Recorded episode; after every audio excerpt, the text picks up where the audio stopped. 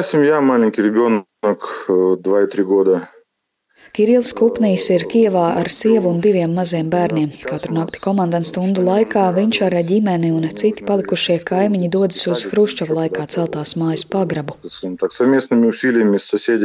Облагородили его там, снесли там матрасы, ковры. Kopā ar kaimiņiem paši sanesām tur matračus, spilvenus, pat paklājus, lai tur būtu salīdzinoši komfortabli, neskatoties uz to, ka tas ir pagrabs. Pa dienu esam mājās, Брīžiem skan sirēnas. Звучат сирены периодически. Вот. Lūpjat в основном по правому берегу. Nu, там правительство. Kirils turpina, ka ceturtdien pilsētā nemitīgi spridzina un lido raķetes lielākoties Ņepras labajā krastā, bet kreisajā krastā, kur dzīvo viņš, ir arī tec. Tam brīžiem uzbruk Krievu karaspēks, ko atvaira, un pagaidām iedzīvotājiem Kievā ir elektrība un citi komunālie pakalpojumi. Порядок Ну, вы понимаете, что как бы, в столице очень много складов. Arī pārtika vēl ir, jo galvaspilsētā ir ļoti daudz tirdzniecības noliktavu. Turklāt mēs nevienu nedēļu vien vēl varam nosēdēt ar saviem pārtikas krājumiem.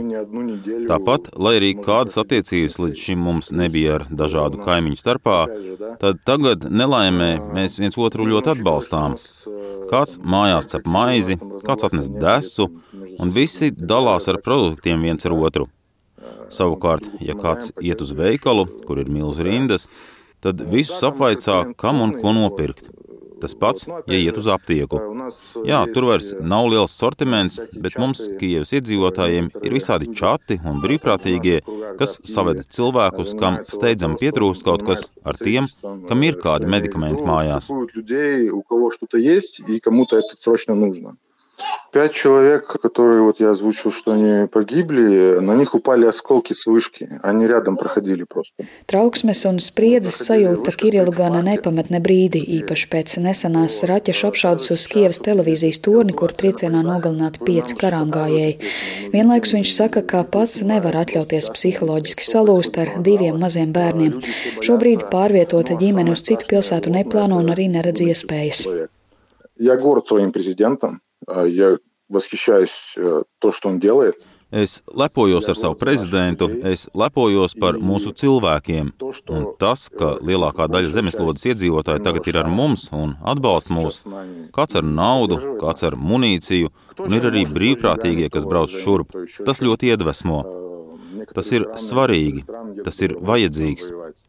Tas mums bija ļoti vajadzīgs, ka mēs redzam, ka neesam vieni.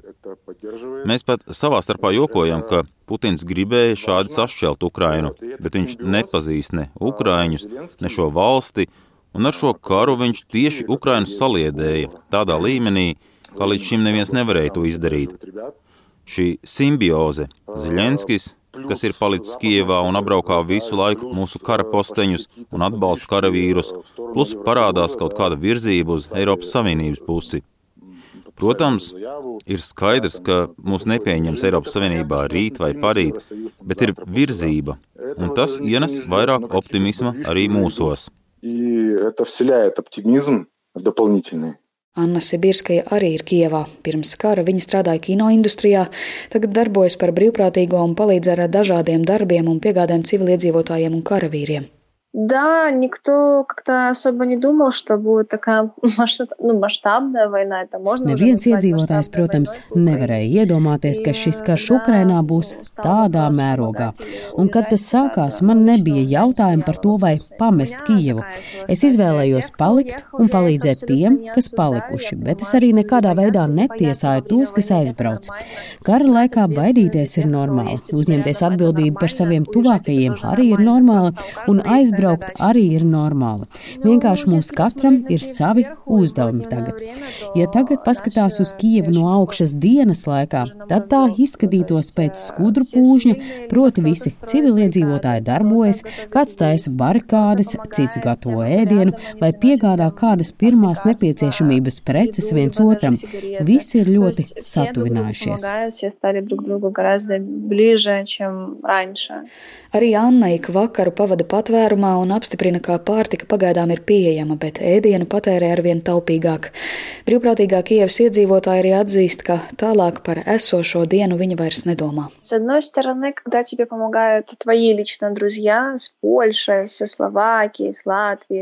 No vienas puses, kad man personīgi palīdz draugi no Polijas, Slovākijas, Latvijas, Rumānijas un Moldovas, es jūtu atbalstu, bet globāli valstī mums tomēr ir sajūta, ka kaut kādā līmenī esam vieni. Mēs turamies šajos karstajos punktos, bet mums ir ļoti nepieciešama citu valstu palīdzību. Piekritīsiet, ka visu laiku diennakti gaidīt ienaidnieku ienākšanu ir ļoti grūti. Tad, kad es palieku uz mirkli viena, es domāju arī par to, kas notiks, ja viņi ieņems Kijevu un ko tad es darīšu, kā es uzvedīšos. Es sapratu, ka es tad vienkārši klusējot pacelšu rokas, es nebēgšu, nu ja šaus, tad šaus. Bet šobrīd tām pārdomām nav daudz laika, jo nemitīgi ir kādam jāpalīdz šeit. Nav laika panikai. Es nezinu, kāda būs katra nākamā diena, un vienkārši izējot no mājas, ieberu kaķim ļoti daudz ēdiena, ja gadījumā nepārnākšu. Bet vienkārši tagad dzīvojam šeit, tikai šajā momentā, ar tiem cilvēkiem, kas te ir, un tajos apstākļos, kādos esam. Ukrainas pilsētā Energodarā sazvanu Oļegu Glīnski. Tur atrodas arī Zaporožas atomelektrostacija. Я ведущий инженер по управлению ядерным энергоблоком. Я непосредственно управляю энергоблоком.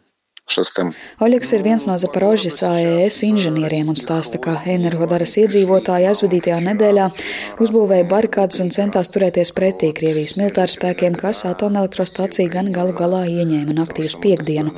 Par notikumiem dienu pirms AES ieņemšanas stāsta Oļegs. Nevaružonные люди вышли и Neapbruņoti cilvēki izgāja ielās un izveidoja kolonnu. Tāpēc Krievijas bruņotajiem kareiviem nācās atkāpties. Viņi mums virsū nebrauca. Tad pārunas ar viņiem ilga kādas divas stundas. Viss, ko viņi gribēja, ir tikt uz atomelektrostācijas teritoriju, nofotografēties un it kā doties tālāk. Kad mēs trešdien viņus neielaidām enerhodarā, viņi aizdevās uz Helsonas pusi. Diemžēl pa ceļam kādu 15 km attālumā no mūsu pilsētas viņi atkal satika civiliedzīvotājus, kas protestēja un notika apšaude ar granātām, kas vienam no cilvēkiem nopietni ievainoja kāju. Taču viņi devās tālāk, it kā nekas nebūtu noticis.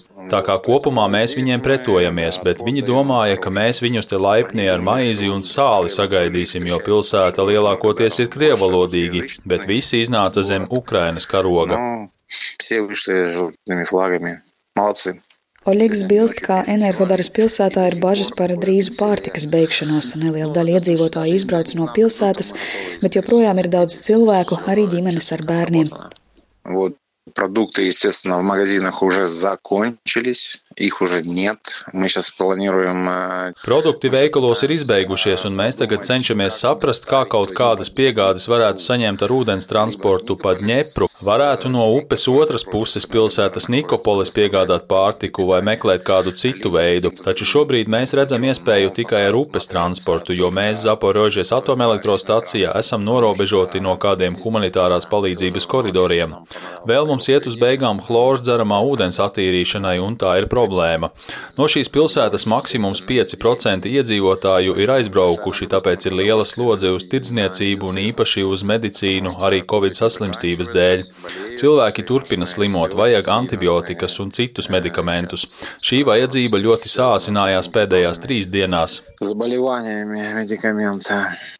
Поэтому вот это наша проблема, и мы ее решаем вот уже третий день. Zaporožas AES darbinieks stāsta, ka atomelektrostacija jau pirms tās ieņemšanas darbojās minimālā režīmā ar aptuveni 30% jaudu vienā no sešiem energoblokiem.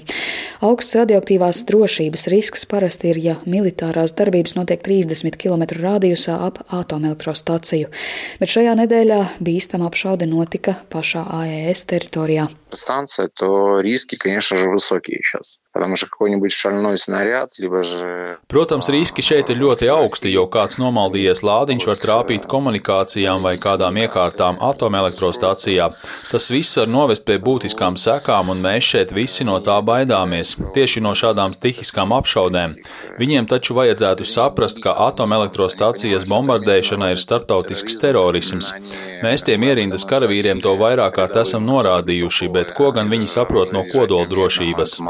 что они там понимают про атомную станцию. Pēc apšaudes Enerhodarā Zaporožģes atomelektrostacijā izcēlās arī ugunsgrēks vienā no ēkām, bet tā rezultātā nav bojāta radiācijas drošībai nozīmīga infrastruktūra.